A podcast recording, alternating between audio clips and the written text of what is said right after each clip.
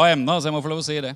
Det kommer til å bli veldig bra, det her. Uh, hvis du lurte, så kommer det til å bli veldig bra. Ja. Uh, forskjellige kulturer og forskjellige mm, menigheter gjør jo ting på forskjellige måter. Så um, på, Det påstås at dette er sant. Jeg har ikke opplevd det sjøl, men på en sånn internasjonal karismatisk konferanse på det glade 70-tallet uh, hvor det er samla mennesker fra om ikke hver nasjon og, og stamme, så fra veldig mange nasjoner i hvert fall. Og bl.a. en gruppe med de hva kaller man de, aborigines, altså de originale innbyggerne i Australia. Og Under tilbedelsen så, på en karismatisk konferanse så var det jo mye forskjellige uttrykk i lovsangen. Men akkurat denne gjengen her fra Australia de sto sånn med begge hender. Og det var mange som lurte på dette her, liksom observerte dette her. Det var jo, de var jo vant til det her, ikke sant? og hopp opp og ned og alt det der. ikke sant? Eh, men, men sånn, det, det, hadde de aldri sett før. Så til slutt så var det en som tok mot til seg og gikk bort og spurte en i den gruppa i en pause. Du, altså, Måten dere står på i lovsangen sånn, er, er det noe vi ikke har grepet? Er det, liksom, er, det, er det, noe symbolikk? Er det noe dypt i dette her? Så flira den personen som fikk spørsmål, sa nei, du skjønner eh, det er fryktelig lavt under taket i det møtelokalet vårt. Så de kom ikke lenger opp, da, altså, så det var det de var vant til. Ja. Så sånn kan det gå. Ja, ja, ja, ja. ja. Det er, det er bra. Ja, ja, ja. Det er sånn tradisjoner skapes, vet du. Du er klar over det? I, det skal ikke mer til i kristen sammenheng enn å ha gjort ting mer enn én en gang. Så, så forventer man at sånn skal det være. Eh, og det er jo litt sånn eh, Vi mennesker liker trygghet. Hvor mange liker trygghet? Altså trygghet er bra. Spørsmålet er jo da bare hva vi har tryggheten i. Er det i ytre rammer? Eller er det i identitet pga. hvem Gud er, og pga. hvem vi er? For det er to forskjellige ting. For hvis det er i den Gud er, og den vi er på grunn av Han, så kan vi tåle om rammene forandrer seg litt i ny og ne. Med på tanken? Ja. Hvis det er en god forankring, så, så, så kan det svaie litt på toppen. Uten at det blir truende. Hvis vi ikke har noe særlig forankring, så hvis det da svaier litt på toppen, så kan jo alt rase. ikke sant? Så, ja, ja. Men det var bare en digresjon. Denne fikk du gratis. Nå skal vi gå inn i dette her. Eh, bare si at på bibelskolen Impact, som vi er med og driver, så har jeg et fag eh, på indre helbredelse og befrielse sånn, som jeg har ca. tolv klokketimer undervisning på. Så å ha, skulle ha én på det her Takk skal dere ha. Men det er nå så. Uh, så vi går rett i gang. Er det greit? Utfrielse og kaste ut onde ånder. Overskrift av Markus kapittel 16, vers 17, første delen der. Og disse tegnene skal følge dem som tror. I mitt navn skal de drive ut onde ånder. Står i boken. Ja. ja. Det var fire stykker som var enige. Det står i boken. Det er kopiert rett ut derfra, selv om det står på et ark. så vi bare får lov å si det. Men jeg tenkte vi skulle begynne veldig grunnleggende på dette her, eh, fordi eh, det er vi nødt til. Derfor punkt 1, altså 13.1, dette er jo 13. gangen vi har undervisning. Jesus brakte Guds rike til verden. Enig i det? Ja, det er sant om du ikke er enig i det eller ikke, men det, er, men det er sant, ja. Markus 1, 14 og 15. Men etter at Johannes var satt i fengsel, kom Jesus til Galilea og forkynte Guds evangelium. Han sa tidens mål er fullt, og Guds rike er kommet nær. Omvend dere og tro på evangeliet. Det Guds rike som Jesus kommer med, det er et åndelig rike. Det sier Jesus et sted også. Han sier til noen om Guds rike så kan du ikke si 'se her er det', eller 'se der er det'. Altså type, ikke sant, Du kan reise hit eller dit, for se, Guds rike er inni dere. Altså, Det er et åndelig rike. Og Det er kanskje litt vanskelig for oss å se for oss, for det, stort sett alle riker vi er vant til, er fysiske. Kongeriket Norge det er ikke først og fremst et åndelig rike. sant? Altså, du Ja, ja, ja. Ehm, jeg mener du vet om du er i Norge eller Sverige, gjør du ikke det? Eller? Eh, Hvis du krysser grensa til Sverige, da, da vet du at da er du ikke lenger i Norge. Det er et fysisk rike. ikke sant? Eh, Men Jesus sier om Guds rike det er ikke et fysisk rike på den måten. Eh, En annen måte å beskrive Guds rike på er området hvor Gud regjerer. Eh, I Norge har vi en konge. eh, og- han regjerer kanskje ikke over så veldig mye, fordi vi har en regjering i tillegg. sant? Eh, Men i gamle dager Riktig gamle dager, altså selv lenge før jeg var ung. Så var det kongen som regjerte. Det kongen sa, var lov i landet. Altså, Hvis ikke du tror meg, så, så sov du i vikingtidshistorien på skolen. For det var sånn. Kom du på kant med kongen, så fikk du et problem, for det kongen sa, det gjaldt. Kongen regjerte. Derfor så var det kongens rike. Eh, Og Sammen med Guds rike. Guds rike er der Gud regjerer, dvs. Si der Gud utøver sin makt og viser sin autoritet. Så når Jesus da sier Guds rike er kommet nær, så sier Jesus Guds makt og Guds autoritet har kommet nær. Og Jesus brakte dette riket til jorden når han kom her. Og det som da skjer, er at Guds rike kommer i konflikt med et annet rike. Fordi Jeg vet ikke om du oppdaga det, men det, det finnes et annet rike på jorden også enn Guds rike. Og da tenker jeg ikke kongeriket Norge, nå snakker vi åndelige, åndelige begreper her. Uh, Pga. syndefallet ble mørkets rike gitt autoritet på jorden. Ikke en absolutt autoritet, men reell makt og innflytelse. Og Jesus utfordret denne autoriteten. Det Jesus kommer med, er egentlig Det er veldig gode nyheter for oss mennesker, men i forhold til djevelen og hans rike, så er det en krigserklæring. Han kommer, og han bringer det riket som står i motsetning til og er i strid med mørkets rike. Som det står et sted i 1. Johannes brev, som jeg ikke har sitert her, ved denne hensikt ble Guds sønn åpenbart for å gjøre ende på mørkets gjerninger. Eller djevelens gjerninger, står det i noen oversettelser. Jesus kom for å gjøre ende på mørkets rike. Skal vi være enige om det? Mhm. Og det ser vi omtrent med en gang i Jesus sin tjeneste, at, at dette er tilfellet. Da kommer vi til de neste bibelversene som er sitert her, altså fra Markus 1. Dette er altså Rett før har Jesus kalt de første disiplene, og han sier 'følg meg'. Og dette er det første Markus skriver om at skjer etterpå. De går inn i Kapernaum, og på sabbaten så går de i synagogen. Da var det i synagogen deres en mann med en uren ånd, og han skrek høyt og sa:" Hva har vi med deg å gjøre, Jesus fra Nasaret? Du er kommet for å ødelegge oss. Jeg vet hvem du er, du Guds hellige. Men Jesus truet han og sa, Ti stille og far ut av ham. Og den urene ånden rev og slet i ham, skrek med høy røst og for ut av ham. Da ble alle forferdet, og de spurte hverandre, Hva er dette? En ny lære med myndighet befaler han til og med de onde åndene, og de adlyder han. For de av dere som hørte meg preke over temaet Jesus befrieren her for ikke altfor mange uker siden, så var jeg innom det her. Altså Denne mannen har antageligvis gått i synagogen stort sett jevnt og trutt. Men fordi Jesus kommer, så skjer det noe som ikke pleier å skje. Jesus er lyset, det sanne lyset. Når lyset kommer, så blir mørket avslørt. Derfor klarer ikke denne demonen å holde seg skjult. Den protesterer og roper ut. Og det menneskene i synagogen i Nasaret blir sjokkert over, er ikke at demonen snakker.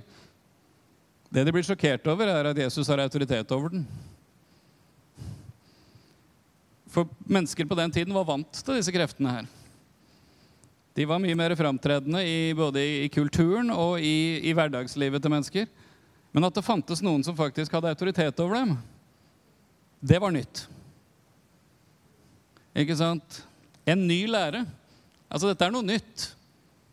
Med myndighet befaler han til og med de onde åndene, og de adlyder han. Det siste er jo viktig. da. Altså, han ikke bare befaler, men de adlyder.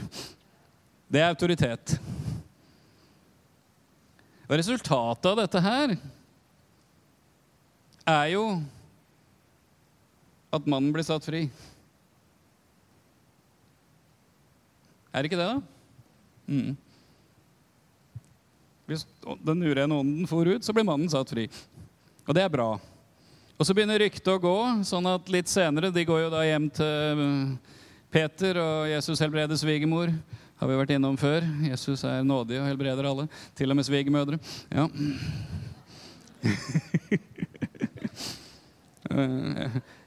Jeg hørte sitert en argentinsk forkynner en gang som sa det at han, han hadde lurt på om grunnen til at Peter fornekta Jesus, var at han helbreda svigermora. Men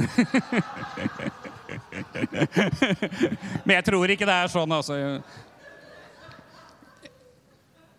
Jeg må bare på egne vegne få lov å si at jeg har, jeg har en veldig god relasjon til min svigermor. Faktisk mye bedre enn jeg hadde til min egen mor. Så, så, uh, bare så det er nevnt. Men ok, ja.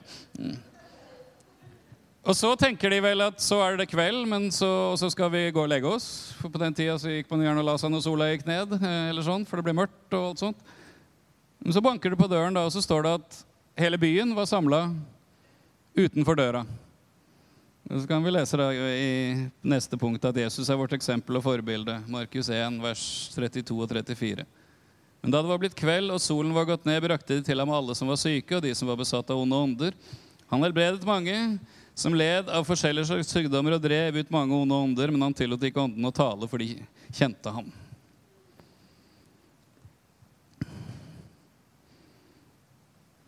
Dette er Guds rike i aksjon gjennom Jesus.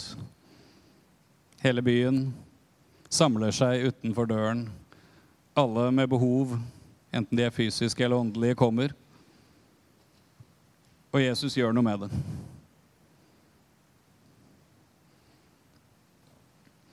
Og vi ser her at Jesus hadde autoritet over de onde ånder. Han satte mennesker fri fra dem. Han var klar over at de fantes, altså deres eksistens, og han utøvde sin autoritet. Men han jaktet aldri på dem. Jesus er ikke noen demonjeger. Ok? Det skal ikke vi være heller. Det, det, er fryktelig dårlig jakt å drive med, for å si det sånn. For da fokuserer vi på feil, feile ting, rett og slett. Han var ikke overfokusert på dem. Jesus gjorde det han så Faderen gjøre. Johannes 5, 19-20. Han lot ikke fienden styre. Men hvis han støtte på noen sånne, så gjorde han noe med det. Han rygga ikke unna. Han ble ikke redd. Han ble ikke sjokkert. Eller han tenkte ikke 'Å nei, å nei, hva skal jeg gjøre nå?' Dette lærte jeg ingenting om på teologistudiet.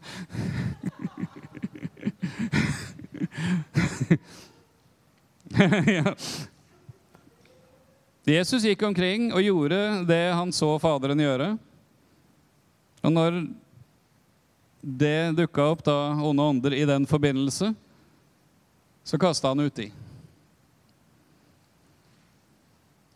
Og Jeg synes det er et greit fokus altså i forhold til at Jesus er vårt eksempel og forbilde. Vi skal være opptatt av å gjøre det Gud vil vi skal gjøre. Og det innebærer også å deale med slike ting som dette her når det er nødvendig. Men ikke å drive og jakte på dem. Mm. For det gleder fienden. For da er vi opptatt av feil person. Og Hvis vi blir overfokusert på denne sida her, så, så, blir vi mer fascinert av det djevelen gjør, enn av det Gud gjør. Da, da tror vi djevelen er større enn en Gud, og, Jesus, og da blir Jesus for liten. Ok? Så ikke gi det noe ekstra oppmerksomhet. Og derfor har vi én kveld om dette temaet her i løpet av hele disippelskolen. ok? Um, for det er greit å vite om, men ikke la det bli hovedfokus. Ok? Lukas 4,18. Herrens ånd er over meg, for han har salvet meg til å forkynne evangeliet for fattige. Han har sendt meg for å forkynne for fanger at de skal få frihet, og for blinde at de skal få syn, og for å sette undertrykte fri. Dette kalles ofte for Jesu programtale. altså Her erklærer Jesus hvorfor han har kommet, og han siterer jo Jesaja. En profeti som er gitt nesten 1000 år tidligere. Det er jo spennende bare i, i seg sjøl. Det var ikke tilfeldig når Jesus kom, eller at Jesus kom, for å si det sånn. Men Herrens ånd er over meg, og hvorfor? For at jeg skal holde store kampanjer og vise hvor flink jeg er, eller ta inn store kollekter, eller sånne ting. Nei, for han har salvet meg for å forkynne evangeliet for fattige, for å forkynne frihet for fanger og for å sette undertrykte fri. Jesus kom for å gi frihet, han kom for å sette fri. Og det er poenget. Ikke det djevelen gjør, men å bli fri fra det er poenget. Her sier Jesus tydelig hva som er hans fokus, og hva han har salvet for å gjøre. Gi fanger frihet og sette undertrykte fri. Det må alltid være vårt fokus også. Demoner er aldri poenget, men at folk blir fri. Ikke bare fri fra det som binder, men fri til mer å følge Jesus.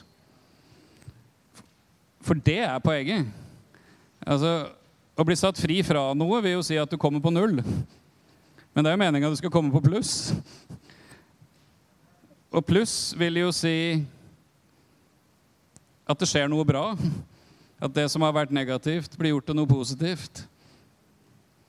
For å sitere Paulus på dette fra Efeserbrevet kapittel 4.: Tyven skal ikke lenger stjele, men arbeide, så han kan ha noe å gi til andre. ikke sant? Å ikke stjele er å være på null. Ikke sant? Tyven slutter å stjele, da er du på null. Men hvis du isteden begynner å være raus og gavemild, du som drev og tok fra andre, da er du på pluss. Skjønner, skjønner forskjellen, sant? Uh, Jesus kom ikke bare for å sette fri, han kom for å sette fri så vi skulle kunne følge han mer og mer. For det er poenget. Å følge han, er det ikke det?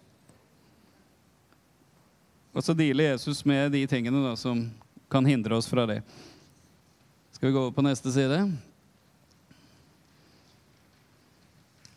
Og det er da Det er spennende i seg sjøl med Jesus på dette området. Men jeg syns på en måte det blir enda mer spennende når vi kommer over til at Jesus gir dette her videre. Fordi vi har veldig ofte så lett for å tenke Jesus Ja, men Jesus, Jesus er Jesus. Og det er helt sant. Jesus er unik. Sann Gud, sant menneske. Fra evighet til evighet. Kom fra Faderen. Kom for å vise hvem Faderen er. Kom for å gi sitt liv og sone alle våre synder. Og uendelig mye mer. Og stå opp igjen. Jesus er unik. Men så gir Jesus denne autoriteten sin videre da, til disiplene. Markus 7, 7. Han kalte de tolv til seg og begynte å sende dem ut to og to. Og han ga dem makt over de urene ånder. Ordet makt kan også oversettes autoritet. Jesus ga sine disipler autoriteten han hadde over de urene ånder. Og det funka òg, vet du. Ser jeg videre da. Markus 7, 12-13. De dro da ut og forkynte for folket at de skulle omvende seg, og de drev ut mange onde ånder og salvet mange syke med olje og helbredet dem.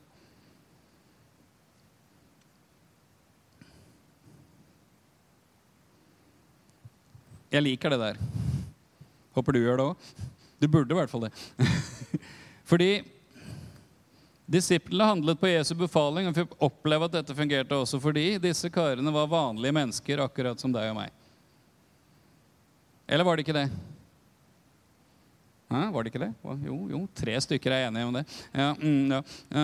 Det fins en del uh, kristelige lærere og teologier som sier at nei, men altså, disse apostlene de var helt unike. Og De var salva på en spesiell måte, de også, for de skulle være øyenvitnene. Og de skulle være de som da deres undervisning skulle skrives ned i Bibelen, så du må ikke sammenligne deg med disse karene her. Derfor heter det jo Sankt et eller annet. ikke sant? Sankt Johannes og Sankt Peter og Sankt alt mulig rart. Står ikke det i Bibelen? Gjør det det? Ja, hvis du leser om disse karene her i Bibelen, så er de rimelig menneskelige. altså.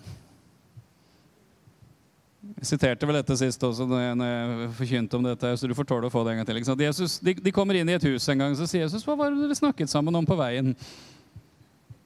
Det ville de ikke si, står det. For de hadde diskutert seg mellom hvem som var den største av dem. ikke sant? Det høres åndelig og fromt ut, gjør det ikke det? De hadde sikkert diskutert det på den måten. Nei, men du Peter, du er jo mye større enn meg. Tror du det var sånn? Nei, nei, det var liksom litt mer Jeg heiv ut en demon mer enn deg på forrige misjonstur. Altså. Jesus snakker mer med meg enn med deg. Har du sett det? ikke sant? Altså, min familie ja, vi, vi, vi, er nok nærmere Jesus enn det din familie er. Altså, ikke sant? Altså, for ikke å snakke om alle de der ute, da, men blant oss så tror jeg nok at jeg altså jeg, jeg er altså Ja, må bare si det. altså. Sa Sankt Peter eller Sankt Johannes eller Sankt et eller annet, ikke sant?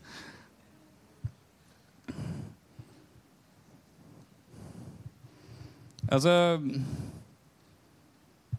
De hadde det i kjeften, disse gutta her. De hadde høye bekjennelser. Men en del ganger når alt kom til stykket, så, så var bekjennelsen mye høyere enn uh, livsførselen. Kan vi si det?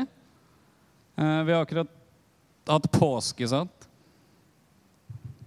Jesus tar med seg uh, disiplene et, etter å ha holdt påskemåltid, og så, og, så, og, så, går de til hagen i Getseman, og så sier Jesus også det, vet, det står skrevet at jeg skal slå hyrden så fårene blir, blir spredt. Dere kommer alle til å forlate meg. Men de sverget alle sammen igjen at de aldri skulle forlate han.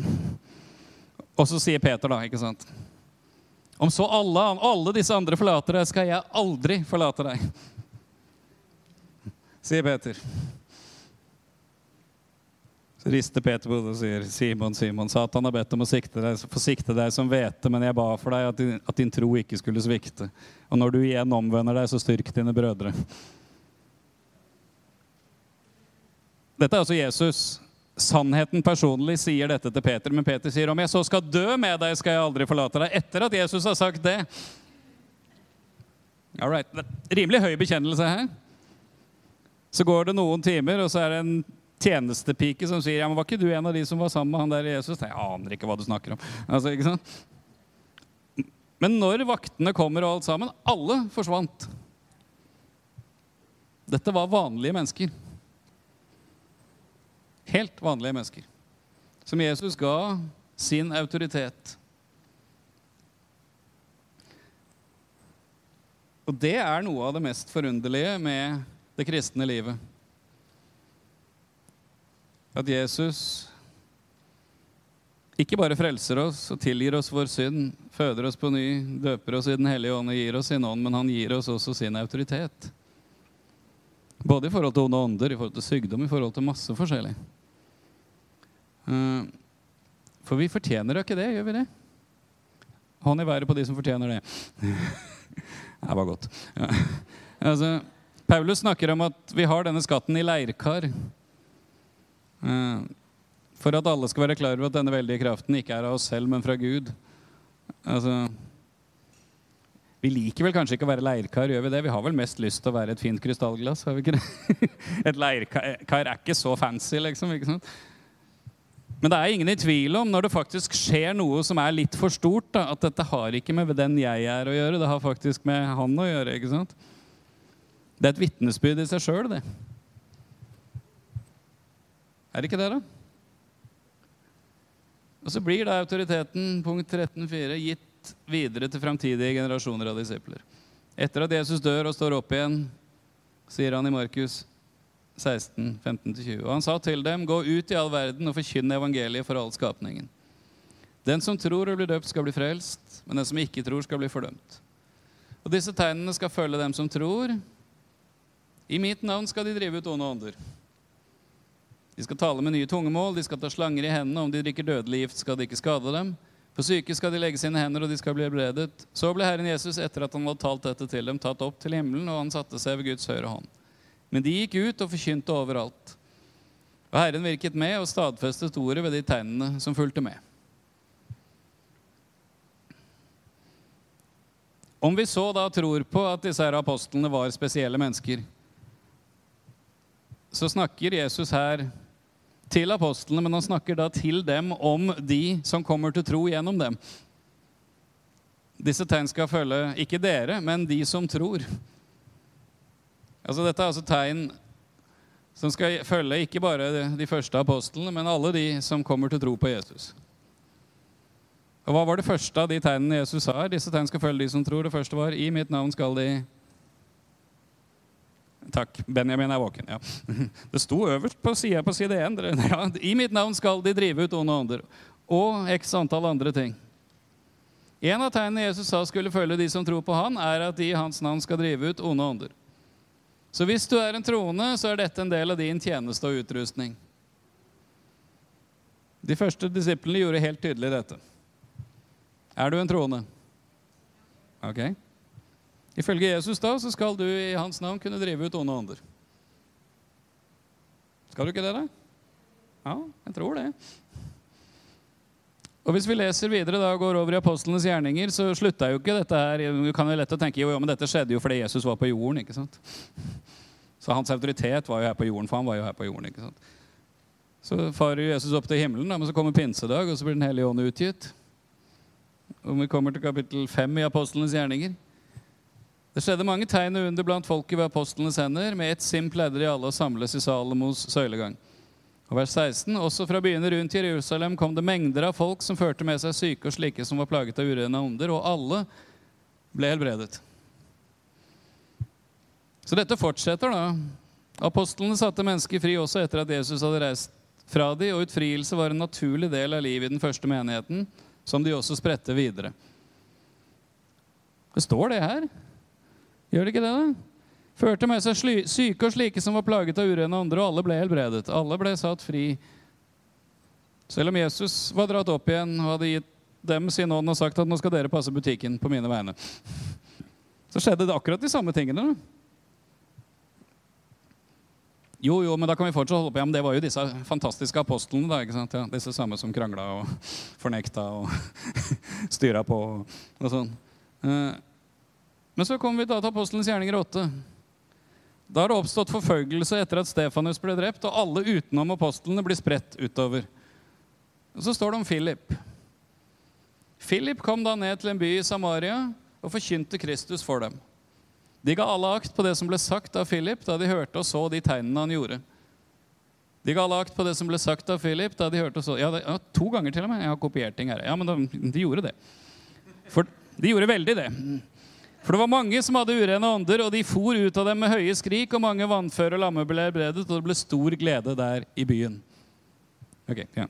Så de hørte nøye på, for de så de tegnene han gjorde. Det har vi etablert nå. ikke sant? Ja. Disse tegn skal følge de som tror, sa Jesus. Så la oss snakke litt om denne Philip. Jeg, nevnt, jeg har nevnt han en gang før i en tale her. Denne Philip, han, øh, han hadde en ekstremt prestisjefylt oppgave i menigheten i Jerusalem. Han var eh, altså utrolig høyt oppe på rangstigen. Han delte ut mat til de fattige. Hvor mange av dere tror dere hadde greid å gjøre det? Her har dere noe mat, del det ut til de fattige. Hvor mange av dere tror dere hadde greid å gjøre det? Tror, liksom, okay. Hallo, du er fattig, vær så god, her har du litt mat. Hvor mange tror de kunne klare det? Jo, det, det, var, det var Philip sin oppgave. Veldig, veldig veldig prestisjefylt oppgave som du må ha syv års teologisk utdannelse for å gjøre. Og helst ti års erfaring før du kan få tittelen matutdeler. ja. Men når denne Philip, en helt vanlig troende menneske med en praktisk oppgave i menigheten Hadde han gått i EF her, så kunne Philip vært en av de som var på praktisk team på søndager. Ok? Mm. Lagde litt kaffe og satte fram litt kjeks og skar opp noe frukt. ikke sant? Altså, det var ikke til de fattige, da, men det var noe mat i hvert fall. Ikke sant? Altså, men når han da blir spredt pga. forfølgelsen, så gjør han det han har sett og lært i den menigheten han tilhørte, og han forkynner evangeliet om Jesus for disse menneskene. Han helbreder syke, og han kaster ut onde ånder. Hvorfor? Fordi det satt i ryggmargen hans, for det var sånn livet i den første menigheten var. Dette var helt naturlig. Det var ikke sånn at Philip kom ned der og tenkte ja, ja, jeg, jeg, jeg er jo ikke apostel, men jeg kan jo forkynne evangeliet litt, da i hvert fall. Jesus elsker dere. Å ja, du var syk. Nei, så syke mennesker kan nok ikke jeg helbrede. Men du hadde litt vondt i en lillefinger. Ja, det kan jeg be for. Og her var det en demon. Å nei, nei, det, nei, beklager, jeg er ikke apostel. Jeg har ikke noe autoritet. Nei, beklager, altså. Sånn oppfører vi moderne kristne oss ofte. Det gjorde ikke Philip. Han visste hvem han var, han visste hvem Jesus var, han visste hva han bar. Pga. det Jesus hadde gjort, og pga. den ånd Jesus hadde gitt han. Derfor gjorde Philip disse tingene her. Han var ikke en av de tolv apostlene. Han hadde ansvar for matutdeling til enker, men han forkynte evangeliet med de samme medfølgende tegn som dem. Dette fortsetter gjennom de første århundrer av menighetens historie og var et av de tidligste vitnesbyrdene om de kristne. Alle har hørt vitnesbyrdet 'Se hvor de elsker hverandre'. og Det er et bra vitnesbyrd på de tidlige kristne. De mener Et annet vitnesbyrd var 'De har makt eller autoritet over de onde ånder'. For noen mener jo at dette her slutta med de første apostlene. da. Men hvis du har lest litt kirkehistorie og leser litt skriftene til disse tidlige kristne lederne etter apostlene, de som gjerne kalles kirkefedrene, ikke fordi de var far til bygninger, men de var ledere i Guds menighet, så forteller de om at dette her foregår jevnt og trutt. Her kommer et sitat fra en mann som heter Ireneus, ca. år 190. Derfor gjør også de som i sannhet er hans disipler, som mottar nådig fra ham i hans navn, mirakler for å fremme andre menneskers velferd i henhold til den gave som hver enkelt har mottatt fra ham. For noen driver i sannhet og sannelig ut djevler, slik at de som på denne måten er blitt renset fra onde ånder, ofte både tror på Kristus og slutter seg til kirken. Sa Ireneus i år 190. Hvor mange apostler tror du var i live i år 190? Den siste døde ca. 100 år før. Og hvis du leser disse karene her Sorry, damer, men de, de var karer, disse her. Uh, disse tidlige kirkelederne fra rundt år 100 til år 500, samtlige av de nevner både helbredelser og befrielse fra onde ånder som den naturligste tingen som skjer i Guds menigheter overalt. For det andre argumentet som fins, er jo det at sånne ting det, det, Nei, det slutta ikke med apostlene, men det slutta når Det nye testamentets skrifter var samlet. For da hadde vi jo fått hele Bibelen, så da trengte vi jo ikke dette her. Så da gikk det ut på dato, det Jesus hadde sagt. altså. Men det, det fins kristne der ute som påstår det. Uh, men det er litt dumt da, når altså f.eks. en kirkeleder som Augustin, som levde på 400-tallet, forteller om utallige både helbredelser og befrielser og dødesoppvekkelser og alt mulig rart. Og han levde over 100 år etter at hele kirka hadde landa på hva som var skriftene som hørte med i Det nye testamentet. Så det er historieløshet i så fall, altså. Å påstå at det er sånn det var. Så Derfor kan vi jo da lure på Hvis det var sånn i de første 500 årene, og, fortsatt en del videre Har demonene og autoriteten over dem forsvunnet?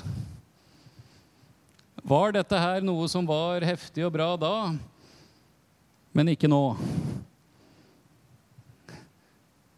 Det var én som var uenig i det. Ok. Det som var en naturlig del av kirkens liv og tjeneste, har veldig mange steder forsvunnet omtrent helt, og særlig i den vestlige verden. I andre deler av verden er dette like naturlig og i full funksjon også i dag. Så ikke du lurer på det, så er det bare å ta en tur ut på misjon, det vi gjerne kaller misjonsmarken. Også.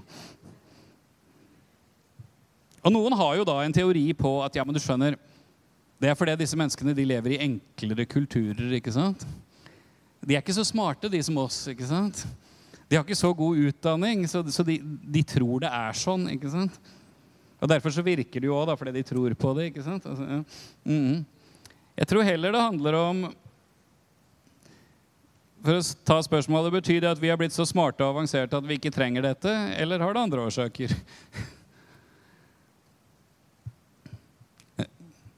Jeg tror det har andre årsaker. Altså. Jeg må få lov å si det. Uh, jeg tror det har med flere ting. Det har, for det første så har det å gjøre med det du kan kalle et materialistisk verdensbilde. Med det så mener jeg ikke at det er av den fineste bilen, ikke materialisme på den måten, men som i materie, altså det som er, er lagd av materiale. Vårt samfunn baserer seg på at alt må kunne forklares vitenskapelig og rasjonelt. Og hvis ikke så er det myter og overtro. Ikke sant? Det er derfor du kan høre moderne teologer og forskere snakke om mytene i Det nye testamentet. For vi kan jo ikke tro på sånne ting. Det er jo bare eventyr. Når jeg studerte teologi, boka jeg hadde om profeten i Det gamle testamentet, og hovedpersonen i Det gamle testamentet, kunne fortelle at ingen av dem hadde levd. Det var bare historier som var funnet på i etterkant. For nå var vi jo blitt så avanserte at vi skjønte jo så mye mer. Eh, men det som er fascinerende, er at i et samfunn som er prega av et sånt verdensbilde,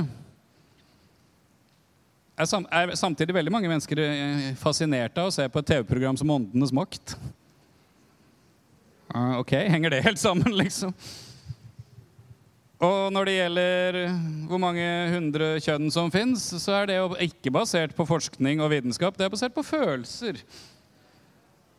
Mm. Nei, det du føler, det er sant. Ok, så, så, på det området er det sant, ja. Mens på det området her så er det ingenting som noen føler eller opplever som er sant. Der må vi ha vitenskapelige fakta.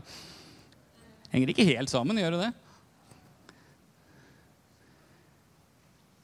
Dette kolliderer kraftig med både Bibelens verdensbilde, kirkehistorien og også nåtidig erfaring der Guds rike går fram. I alle de områdene i verden hvor Guds rike går fram med kraft, så skjer disse tingene fortsatt. Så det er Spørsmålet er nok mer hva er i veien med oss i vår del av verden enn, enn noe annet. altså. Beklager, altså. Vi i Vesten tror vi er verdens mest avanserte, men akkurat når det gjelder den åndelige virkelighet, så er vi stokk dumme. altså. Sorry, men vi er det. Vi tror ikke at det fins. En fantastisk historie på det. Den hørte jeg han fortelle sjøl òg. Uh, mange, mange av dere, i hvert fall de som er over en viss alder, har hørt om en koreansk mann som heter Yong Gishu. Han, han starta en uh, menighet rett etter Koreakrigen på slutten av 1950-tallet. Uh, eh, han var blitt frelst. Eh, han gikk på, hadde studert teologi på en veldig liberal skole, så han hadde lært det at djevler og demoner og sånn, det var bare bilder på ondskap som fins i verden. De fins ikke. Og Så starta han menighet, og etter hvert så ble en god del mennesker frelst. og de begynte å bli en del, og Han hadde virkelig fått det for seg at bønn det skulle de ha. Hvis ikke de gjorde noe annet, de skulle ha bønn. Så de hadde bønn hver morgen fra seks til ni. Så en dag så, så kommer en av eldstebrødrene inn på kontoret hans og sier det at uh, det er en dame i menigheten som, som, som går i husgruppa mi. Og hun er litt rar. Ja vel, åssen da? Nei, hun er verdens hyggeligste dame og baker gode boller og er vennlig og smilende. Men når vi begynner å tilbe Gud, og særlig hvis vi synger om Jesu blod eller kraften i Jesu navn, så blir hun veldig sånn sint og begynner å knurre, og noen ganger fråder hun litt. Og, og, ser litt sånn aggressiv og truende ut. Vi vet ikke helt hva vi skal gjøre med dette. Nei, dette hørtes veldig rart ut, sa pastoren. Eh, jeg får ta en prat med henne, jeg, da. Så kommer da fru et eller annet Altså, Jeg har vært på møte med Jon Guichou hvor han fortalte denne historien sjøl. Så jeg regner med den er sann. altså. Kirkevekstkonferanse i Oslo Spektrum i 1994. Så begynner det å bli en stund siden. Men jeg var der. Og så snakker han med denne damen da, og tenker at hm, hun her har seriøse psykologiske problemer. Så han sier, 'Jeg tror du skal slutte å komme på husgruppe og bønnemøter, jeg, fru et eller annet. Da, ikke sant? Du kan jo ikke si sånt, sier hun. Du er jo pastor. Du sier at alle skal gå på husgruppe, alle skal komme på bønnemøte. Ja, men de sier du blir så rar.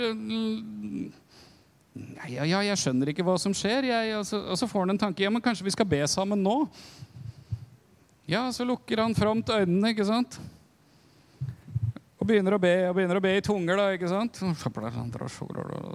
Og så, så tenkte han ja, jeg får jo be rett inn i de tingene da, som gjør at uh, de sier at dama blir rar. Så han begynte jeg takker deg, Jesus, for at du døde på korset for vår skyld. Så hører han på andre sida av pulten.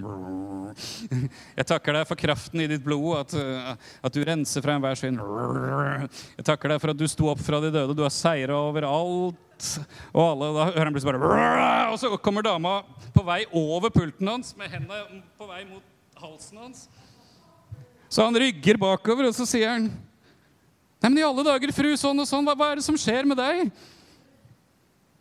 Og så svarer da fru sånn og sånn med en, en forholdsvis fordreid stemme. Jeg er djevelen. Og da var hans naturlige respons. Tuller du? Du fins da ikke!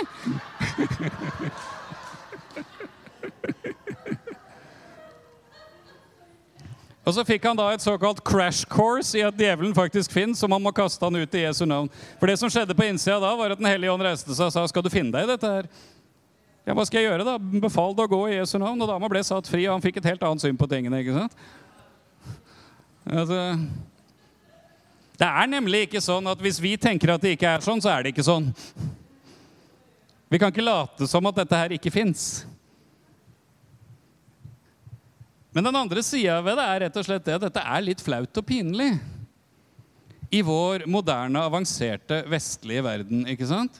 Eh, kanskje blir vi sett på som dumme eller enfoldige hvis vi begynner å snakke om disse tingene. Jeg mener, Hvis du snakker med feil person om at du tror at demoner fins, så kan det være at noen har lyst til å legge deg inn et eller annet sted. Altså, ikke sant? Men vi må velge hva Bibelen sier, framfor hva samfunnet rundt oss sier. Jesus kom aldri for å starte en popularitetskonkurranse. Han kom for å gjøre Faderens vilje. Og han sender oss for å gjøre sine gjerninger selv om de ikke er populære. For demonene fins. Mennesker er fortsatt bundet og plaget av det. og Vi som Guds folk har autoritet til å sette mennesker fri.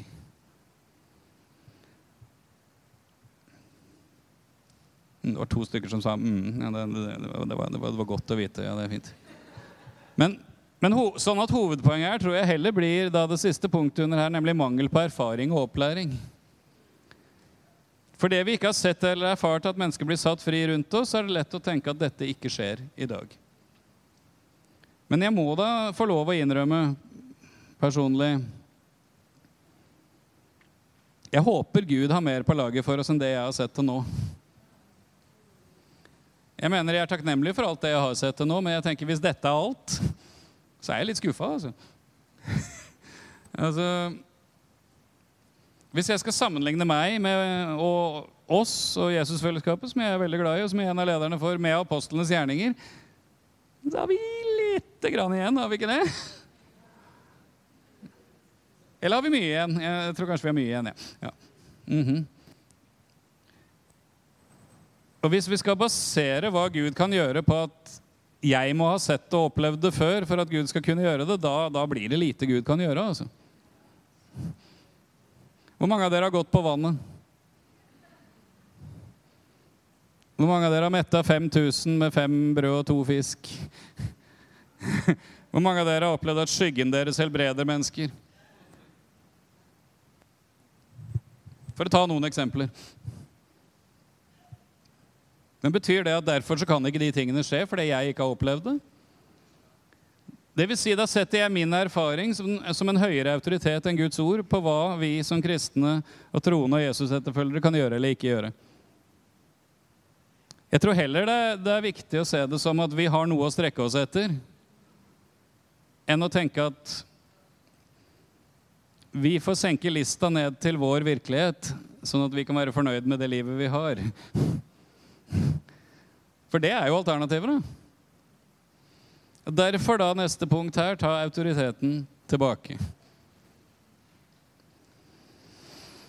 For mange år siden Jeg har sikkert sitert dette her før, men som sagt, jeg prekte over dette her for en stund siden, og så får vi komme til dette nå, så da blir det litt gjentakelse. Men det er jo greit nok. Da, da kanskje dere får det med dere, siden dere får det andre gangen. Uh, på, på 90-tallet en gang så oppdaga den da kristne avisen Vårt Land Hva den er nå, vet jeg ikke, men han var kristen da i hvert fall. Uh, at det fantes et forholdsvis stort satanistmiljø, spesielt i Oslo-området. Så de hadde en sånn artikkelserie på satanisme i Norge. For det var jo heftig og spennende. ikke sant? Altså, de var jo ikke veldig mange, da. Men det var jo eksotisk. ikke sant? Der hadde de bl.a. et intervju med en kar tror han het Eivind Aarseth. Rimelig sikker på at Han het det. Han drev en platebutikk i Oslo det fantes på den tiden, med det fantastiske navnet Helvete.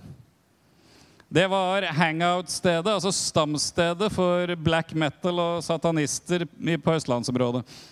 Han ble senere drept av han som kalles Greven. Det var en av grunnene til at han satt inne ganske lenge. Uh, I en sånn maktkamp i satanistmiljøet. Men når journalisten fra Vårt Land intervjuer denne mannen her, så sier han følgende Og den setningen har hengt fast i meg i over 30 år snart. Hvis dere kristne hadde vært klar over hvilken autoritet dere har, hadde det ikke vært noe marked for sånne som meg, sa satanisten. Hvis dere kristne hadde vært klar over hvilken autoritet dere har, hadde det ikke vært noe marked for sånne som meg, sa satanisten. Det sier noe, da. Så spør journalisten ja, har du aldri møtt noen kristne som var det. altså var klar over den autoriteten de.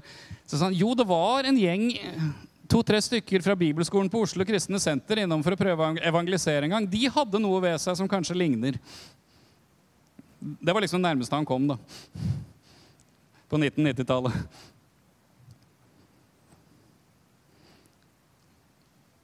Interessant tanke. Så ta autoriteten tilbake. Efeserne kapittel 6, vers 10-12. For øvrig bli sterke i Herren og i Hans veldige kraft. Ta på dere Guds fulle rustning, så dere kan holde stand mot djevelens listige angrep. For vi har ikke kamp mot kjøtt og blod, men mot maktene, mot myndighetene, mot verdens herskere i dette mørket, mot ondskapens ånde her i himmelrommet. Sa Paulus. Så hva er løsningen? Ikke for øvrige brødre, fokuser på alt det djevelen gjør, men bli sterke i Herren. Og ha på seg Guds fulle rustning. Fordi vi har, ifølge Paulus, kamp. Ikke mot kjøtt og blod, altså ikke mot andre mennesker, men mot disse kreftene som står bak ondskapen. Det vil altså si Enten så var Paulus en enkel sjel prega av et altfor lite avansert verdensbilde, eller så var han inspirert av Den hellige ånd og visste hva han snakka om. Og Hvis han var det siste, så har vi, hvis vi lander på noe annet, et problem. Det vil altså si, I denne kampen her så nytter det ikke å være pasifist. Det nytter ikke å sitte med peace signs mellom skyttergravene. Liksom. Kan ikke vi bare alle være venner, da, liksom? Kan vi ikke røyke litt fredspipe her, da? Liksom, Jesus og djevelen og litt sånn. Bare alle være venner, liksom. Nei, det funker ikke sånn. Vi har havna inn i en kamp enten vi liker det eller ikke. John Wimber, eh, som er en mann jeg lærte mye av, han, han brukte dette bildet på, på, å forklare dette her. Han, han, han skriver i en av bøkene sine Se for deg at du blir invitert på båttur. Du får beskjed møte opp på kaia der og der. Og du våkner om morgenen, det er en fin dag, ikke sant? sola skinner. og oh yeah. Han bodde jo i California, så det var sikkert veldig varmt og godt. ikke sant? Du tar på deg sommerklær, og pakker piknikkurven, ikke sant? solbriller, solhatt, solkrem. Og rusler ned på kaia runder et hjørne av et skur, og der ligger det krigsskipet. ikke sant? OK, sånn båttur, ja. altså, sånn har veldig mange kristne det. De tror at vi tar imot Jesus, og så er vi invitert på cruise. Så skal vi cruise gjennom verden med buffé og svømmebasseng og massasje og spa. Mens det du faktisk har gjort, er at du har mønstra på et krigsskip. Det er mye herlig òg, altså, for all del. Men, men, så, men vi er faktisk havna inn i en kamp, enten vi vil eller ikke. Paulus viser tydelig her at den kampen Jesus, apostelen og de tidlige kristne sto i for Guds rike og mot mørkets rike, fortsatt er her. Å tenke noe annet er rett og slett ubibelsk. Derfor trenger vi den samme autoriteten og utrustningen som disse hadde. Gjør vi ikke det? Jeg tror det. Så Paulus fortsetter. Ta derfor Guds fulle rustning på, så dere kan gjøre motstand på den onde dag og bli stående etter å ha overvunnet alt. Etter å ha overvunnet hva da? Litt? Alt. ja. Stå da ombundet med sannhetens belte om livet og vær iført rettferdighetens brynje. Ha som sko på føttene den beredskap som fredens evangelium gir. Grip fremfor alt troens skjold, som dere kan slukke alle den ondes brennende piler med. Ta frelsens hjelm og åndens sverd, som er Guds ord. Be til enhver tid i ånden med all bønn og påkallelse. Vær årvåkne i dette med all utholdenhet i bønn for alle de hellige. Guds fulle rustning har vi i frelsen ved at vi er i Kristus. Guds fulle rustning er ikke noe du skal prøve å klare å kle på deg i egen kraft. Guds fulle rustning er Jesus og det Jesus har gitt deg, og at du er i Han. Han er sannheten, ikke sant? Han er rettferdigheten som vi er ikledd. Det er han som kom med fredens evangelium. Han har gitt oss troen, og derfor troens skjold. Han, han er frelsen, frelsens hjelm. Han har gitt oss sitt ord, altså åndens sverd, som er Guds ord, og han har lært oss å be. Legg merke til at det er bare to av disse tingene i denne rustningen som ikke er noe vi bare er påkledd, men som faktisk skal brukes aktivt i kamp. Det første er troens skjold. Brukes for å slukke den ondens brennende piler. Har du vært borti den ondes brennende piler noen gang? Mhm. En av djevelens navn er anklageren. Mhm. Djevelen liker å skyte brannpiler. Du kaller deg en kristen? Du som tjung, tenkte det om naboen her forleden dag? Eller du som tjung, kjørte sånn over fartsgrensen her forleden dag? Eller som så på det tjung, den kvelden der? Eller tenkte sånn og sånn om tjung, osv. Kommer pilene, ikke sant? Anklagene. Eller fristelsene. Ja, ja. Ja, ja, så du, du, er, du lar deg friste av de tingene der. Ja, men det er jo ikke håp for deg. Da kan du like gjerne bare gi etter. ikke sant? Altså, du merker jo det at det er kraftige greier, dette her. ikke sant? Ja, ja, ja, ja. Og da kan du jo like gjerne bare bli mismodig og bare legge deg ned og dø, for du har jo ingenting du skulle ha sagt, du. ikke sant? Troens skjold, dvs. Si jeg velger å tro mer på hvem Gud sier at jeg er, og det Jesus har gjort for meg, enn det fienden serverer meg. Fordi det kan ikke være basert på hva jeg får til, men på Hans nåde. Ja, men hvis jeg gjør et eller annet gærent, eller, eller, har gjort en del av den anklagen, ja, men da bekjenner vi våre synder, da. Så er Han trofast og rettferdig og tilgir oss syndene og renser oss ifra all urettferdighet. Og så kan vi gå videre og våge å tro at det er sånn. Ja. Vi må våge å tro hva Gud sier om oss, mer enn det djevelen sier. Og så har vi da Åndens sverd, som er Guds ord. Det er det eneste angrepsvåpenet. Det er altså det vi kan angripe med. Vårt våpen mot fienden er Guds ord. Leda av Den hellige ånd. Altså, jeg tror ikke det funker hvis du opplever et angrep fra djevelen og begynner å lese ettertavlen i fjerde, Mosebok. Sånn sånn for, det er jo Guds ord, men altså, det er åndens sverd i betydningen at Gud vil gi deg åpenbaring av Hans ord og hvilke ord du skal bruke til hvilken tid. Altså, skjønner vi tanken? Og Hvis du lurer på hvordan dette er, så kan du jo huske på hvordan Jesus møtte djevelen i ødemarken. ikke sant? Jesus ble frista av djevelen. Hvis du er Guds sønn, så si til disse steinene at de skal bli til brød. Hva svarer Jesus djevelen de tre gangene han blir frista? Det står skrevet. Mm -mm. Det gjør det. Men Jesus fikk åpenbaring fra Den hellige ånd på hvilke vers han skulle bruke. Da. Ikke sant? Han sa ikke 'det står skrevet'. Gå du bort og gjør likedan. Altså, ikke sant? altså, det ville ikke funka like godt, kan du si. Altså, det er åndens vei Den hellige ånd skal lede oss i hvilke av han, Guds ord vi skal bruke. Ok. For dette med autoriteten, bare en liten parentes der før jeg kommer over på siste side. Uh,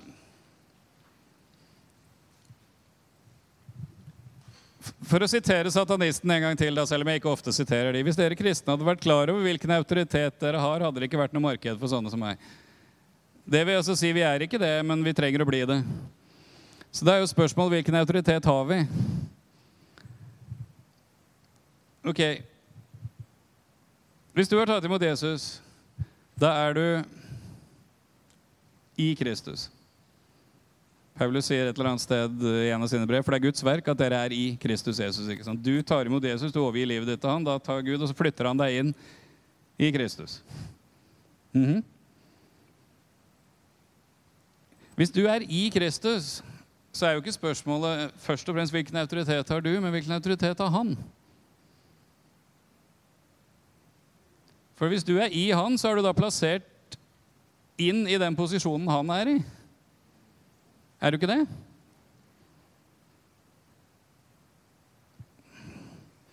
Hvis vi skal ta Jesus, da, hvor er han plassert, for å da sitere slutten av Efeserne 1? Derfor har Gud høyt opphøyet ham over all makt og velde, over alt herredømme, over alt i denne verden og alt som komme skal. Alt er lagt under hans føtter. Alt. Han er høyt opphøyet over alt av makter og myndigheter, alt i denne verden, alt i den kommende verden. Alt er lagt under hans føtter. Og du er plassert i han. Hvor er du da? Da er du plassert på akkurat samme sted, da, er du ikke det?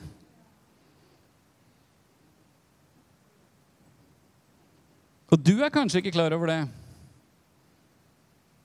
Men fienden er klar over det. Og han vil prøve å innbille deg for alt det er verdt, at det ikke er sånn. For det er noe han ikke vil, så er det at du skal begynne å bruke autoriteten din. For da kan det jo begynne å bli farlig for han. Kan det ikke det, da? Mm.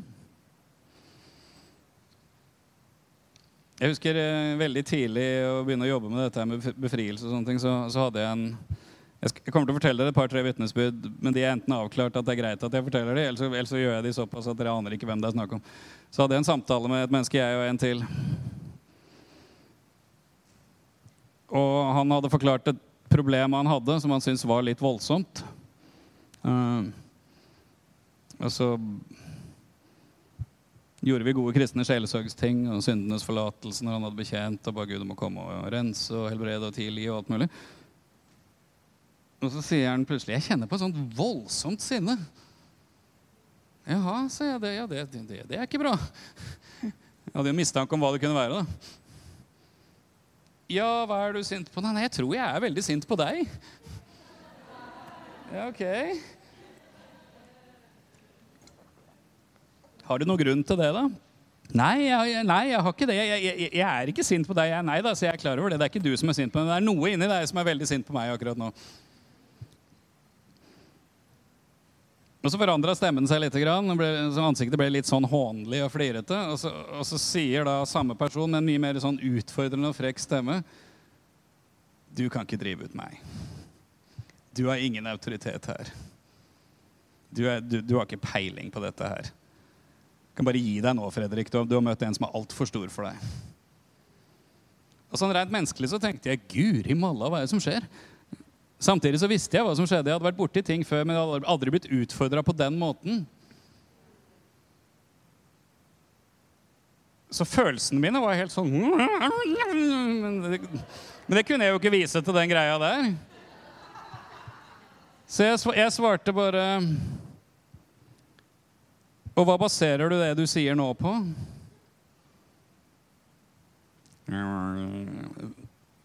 For jeg vet hva Guds ord sier om den autoriteten jeg har gjennom Jesus. Har du lyst til å gjenta det du sa?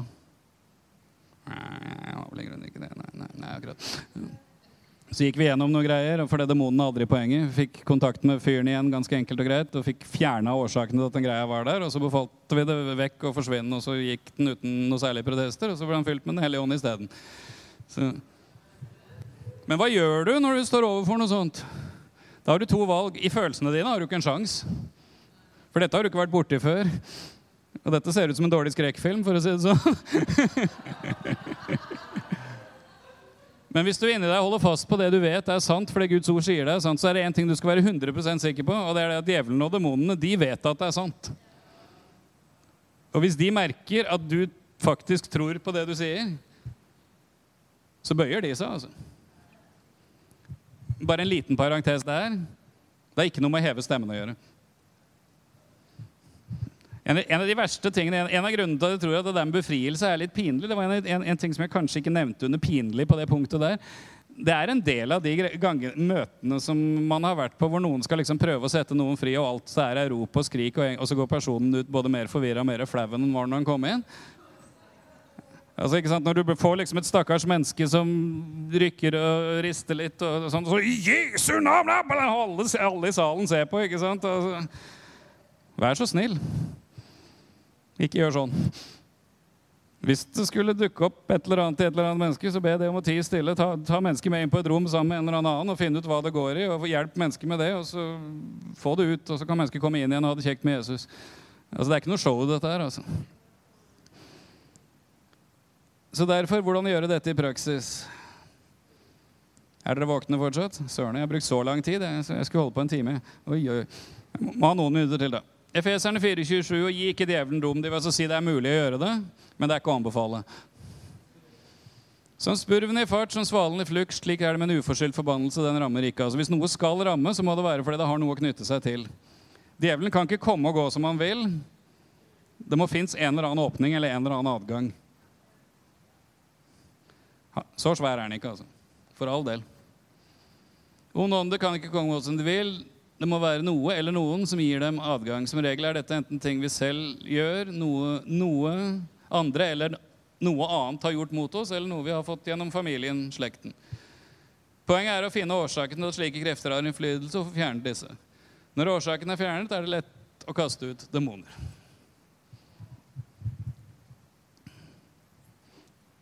Hva var det som ga djevelen og hans hær makt og autoritet på jorda in the first place? Dette, ja, det er ikke romvitenskap. Syndefallet, sant? Ja. Synd gir djevelen makt. Det betyr ikke at hver gang du synder, så får du en demon. Slapp helt av. Men hvis vi blir ved i å synde på områder, så kan det nok være vi åpner en dør. Eller hvis det blir gjort ting mot oss, enten bevisst av noen, eller noe som er helt uforskyldt, men så, og så videre, og så videre. Eller hvis ting har pågått i familien, så det er en åpen dør der på et eller annet vis. Da kan, er det greit å få, få stengt disse her. Men det er dørene som er poenget. Fjerne årsaken. Få Jesus på banen og få legt ting og satt fri fra ting. Og så kan vi hive ut greiene, og så for all del da endelig be om at Den hellige ånd skal fylle hele området og lege og sånn, så, så ikke de blir invitert inn flere nye. ikke sant? Altså, må fylles opp igjen. Fordi Jesus avvæpnet makten og myndighetene på korset. Kolosserne 2, 13-15. Også dere var døde ved deres overtredelser og uomskårne kjød, men Gud gjorde dere levende sammen med Kristus, idet han tilga oss alle våre overtredelser. Han utslettet skyldbrevet mot oss, som var skrevet med bud, det som gikk imot oss. Det tok han bort, han naglet det til korset. Han avvæpnet makten og myndighetene og stilte dem åpenlyst til skudd. Han viste seg som seier over dem på korset. Fordi Jesus beseirer all synd og alle forbannelser på korset, avvæpner han makten og myndighetene. Det vil si, nåde, tilgivelse, gjenopprettelse er mye viktigere enn I Jesu navn, kom deg ut! For da fjerner vi årsakene, og det er ikke noe problem å fjerne greiene. Som, som det sto over her, dette med rotter i søppeldunken, det er ikke noe problem. Du kan enten jage rotter resten av livet, eller så kan du kaste søpla. Da blir rottene borte. Enkelt og greit bilde. Ja, du kan det.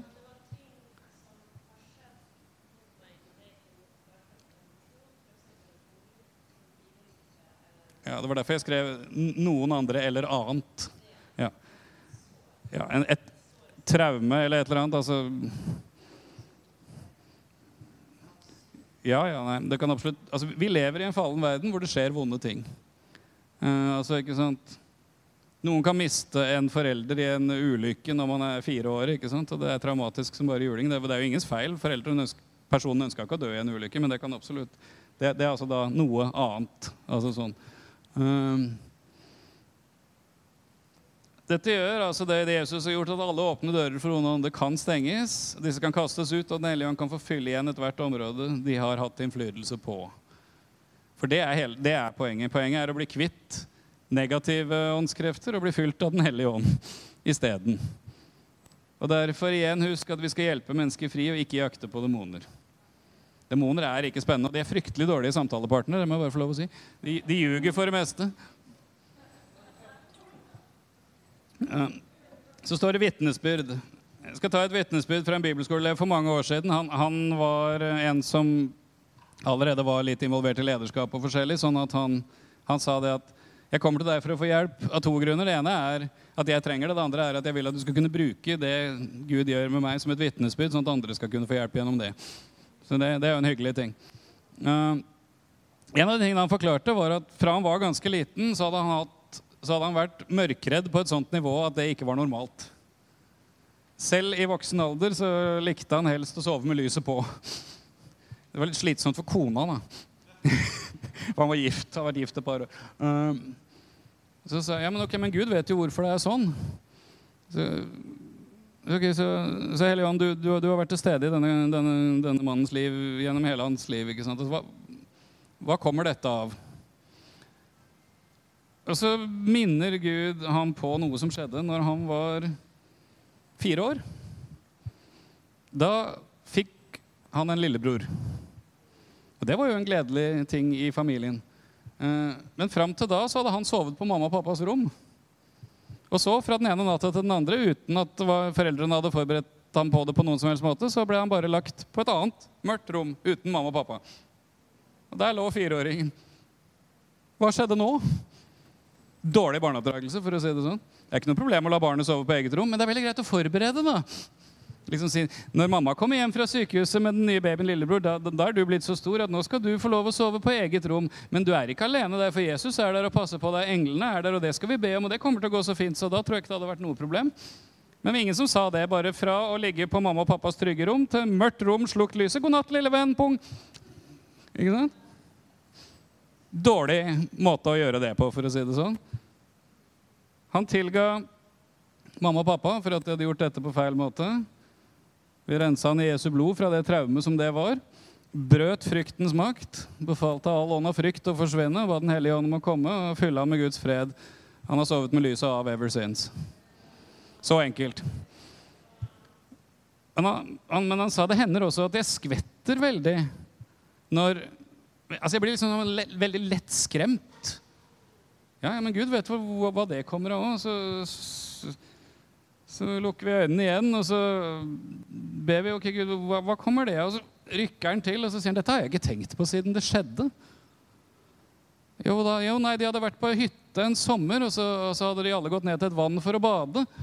Men han var litt sein etter de andre, så han gikk ikke liksom sammen med foreldrene og noen tanter og onkler og fetter og kusiner og broren. og sånn. Så han kom løpende etter, og når han løper nedover denne stien fra hytta til der de skulle bade, så dukker det opp en hoggorm midt på veien. Han skremte den sikkert. ikke sant? Han kom løpende. Som stopper opp og liksom hveser mot den, så han liksom bare og løper bakover. ikke sant? Ja, det, Noe sånt kan være ganske skremmende det for en seks-syv år gammel gutt. kan det ikke det? Han hadde ikke tenkt på det siden det skjedde. men Så inviterte vi Den hellige ånd til å komme, og så, og så sa jeg Det gikk jo bra, gjorde det ikke det? Jo, jo, det gjorde jo det, men jeg ble veldig redd. Helligånd, kan du vise hvor Jesus var hen i, i det som skjedde? Og så blir han et stort smil og sier ah, Jesus gikk inn foran meg, og så trampa han i bakken, og så forsvant ormen.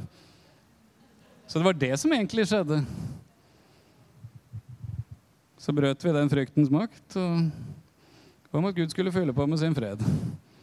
Så var det borte. Det er sånne ting som er poenget. Ikke 'Å, Guri, en demon'. Altså, de er fullstendig uinteressante. Men det at mennesker kan bli satt fri fra det som plager dem, det er interessant.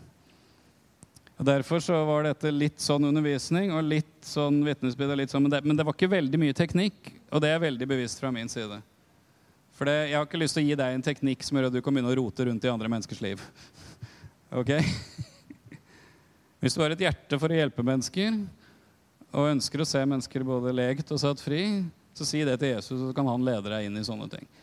Så kan du også i hans navn få være med og kaste ut onde ånder. Jeg kan ta ett vitnesbyrd til. Jeg hadde tenkt på med Rebekka som minte meg om det. Altså vi, vi, tar det. Rebekka var med på en bibelskoletur til Albania en gang. Eller et par ganger var du med, men altså. Så skulle vi ha Året før når vi var der, så, så fikk vi kontakt med en menighet som akkurat hadde åpna seg opp for at Gud gjør ting i dag, og Den hellige ånd virker i dag. og alt mulig. Da hadde vi ett kveldsmøte. Det var helt vanvittig. Det var ca. 40 mennesker til stede. Og Jeg tror når vi telte opp alle vitnesbyrdene etterpå, at vi kom opp i mer enn 40 helbredelser. For det, I Albania så er folk syke, og hvis de drar på sykehus, så blir de enda sykere. Så de fleste hadde jo mer enn ett problem. ikke sant? Etter hvert som folk ble helbreda, så løp de ut og henta naboer osv. Året etter da, så skulle vi da ha to kveldsmøter, og så skulle vi ha et seminar på dagen da imellom i den samme menigheten. Og da ville de gjerne ha undervisning, da, ikke bare på liksom å se at vi gjorde disse tingene, men hvordan kan vi begynne å gjøre disse tingene? Og så, så skulle vi trene på det, så, så, skulle jeg demonstrere dette med kunnskapsord. Og så sa jeg altså, ikke sant, så sa jeg, lurer på, er det noen her inne som har, som har, som har smerter i nakken? Så var det en dame som satt ganske langt bak, kanskje i 50-åra, eller noe sånt, så rakk opp hånda og kom fram. Så skulle vi liksom demonstrere helbredelse. Da, ikke sant? Og Idet jeg legger hendene på, så bare kjenner jeg å, å, her er det noe mer enn bare vanlig fysisk sykdom. Dette var ikke det jeg hadde tenkt akkurat nå. Så jeg begynner å be. Jeg befaler helbredelse av nakken i Jesu navn. Så kan du sjekke om det har skjedd noe? Ja, jeg ble litt bedre. Og så bare be en gang til. Og så nei, jeg ble ikke noe særlig bedre. Og så hm, det gjør ikke det, nei. Jesu navn. Nei, jeg blir ikke noe særlig bedre. Så sier han misjonæren som vi besøkte, Dag Rane Schjelderup, en god kamerat av meg som har vært her noen ganger også, senest i fjor høst. Uh, jeg tror det er noe mer her. Jo da, jeg er klar over det, så jeg da bare håpa vi skulle unngå det for ikke å skremme vettet av hele denne menigheten, som akkurat har åpna seg opp for at Gud gjør ting. ikke sant? Så da For å slippe å gjøre det tospråklig så sa jeg til han ja, men ta den biten, du, så forklarer du hva du skal gjøre nå, og så gjør du det på lokalspråket, sånn at vi slipper alt der. Og så, så han i Jesu navn, du ånd av sykdom og plage, far ut av denne damen. Og da gikk denne pene, pyntelige damen i sånn kirkeklær fra å stå stille og rolig og fromt over til Havna ned på gulvet og begynte å vri seg der, vet du. ikke sant? Og pastoren sto der. Og hele menigheten sto der. Så måtte jeg forklare hva som da foregikk, osv. Og, så og, så syns jeg det tok litt tid før jeg ble ferdige der nede. Så, liksom, så jeg tenkte ja, ok, men det er to eller tre av dere ble enige om om. Så jeg bøyde meg ned på kne ved siden av Dag, og så visste jeg at altså, disse demonene de, de, kan jo de fleste språk. Så sa jeg bare stille og rolig du vet hvem Jesus er, du vet hvem jeg er, du vet hvilken autoritet jeg har. Det hører du i stemmen min. Nå slipper du taket, og så forsvinner du. Hviska jeg til dama på engelsk og kunne ikke et ord engelsk. Så bare hmm, Stille og rolig så bare forsvant alt sammen. Så reiste dama seg opp og sa Da er jeg helt fin i nakken min, jeg, sa da. ja, men så bra, sa jeg. det er jo gøy, da. Er det ikke det, da? Men fokuset igjen er å hjelpe dama. altså. Ikke å lage noe show der nede. Det, som det irriterte meg, at alle ble veldig opptatt av det. For da blir vi veldig fokusert på hva djevelen gjør. sant? Så må mye heller få bare få det overstått og ferdig arbeid. Halleluja. I mitt navn skal de drive ut onde ånder. Amen? All right. Ja, og så holder vi på med en podkast som heter Hyrdepodden. Har noen hørt på den? Ja. Hvis ikke så kan vi anbefale den. Det er Sverre Skilbreid og Katrine Lofnes og Vegard Lofnes og meg. Og det er rett og slett en sånn fordi veldig mye av det vi driver med til tider, det, det blir aldri forkynt om på søndag. Og så er det ikke alle som har tid til å gå på bibelskole heller. Eh, så egentlig at vi sitter og prater rundt disse temaene her, altså indre helbredelse og frihet og sånne ting, og belyser det fra forskjellige vinkler. Og så er vi litt morsomme i ny og ne òg, sånn som f.eks. når den episoden hvor Sverre og Katrine og jeg snakker om barneoppdragelse. Det er jo veldig gøy. For da sier jo jeg for sånne ting som Barneoppdragelse kan Sverre og jeg alt om. Altså, han er ugift, og vi har ikke barn. Så, ikke sant? så, ikke sant? Altså, men ja da. Eh, men der er det også mange tips. Vi har foreløpig ikke kommet til befrielsesbiten der. det skal vi sikkert gjøre, Men det er veldig mange tips som går på indre helbredelse, sunt liv både med Gud og mennesker. Hyrdepodden. Kan anbefale den på toppen av alle de andre podkastene vi har. Så det er jo faktisk morsomt. altså Jeg har jo aldri drevet med sånt, men det er faktisk morsomt plutselig å bli gjenkjent på stemmen. Ja, deg har jeg hørt stemmen til før. Ja, ok, ja, men det var hyggelig. Ja. Nei, men ok, jeg Håper dette ga noe mening. Andre det er to ting jeg ikke vil at du skal gjøre. Det ene er, eller tre ting jeg ikke vil at du skal gjøre. Det ene er Du skal ikke begynne å lete etter demoner, verken i deg sjøl eller i andre men vite at det kan gjøres noe med det hvis det dukker opp. Og så vil jeg ikke at du skal ringe til meg. Ok? For om jeg har undervist dette her, så betyr ikke det at jeg skal hjelpe alle dere. Jesus skal det. Amen. All right.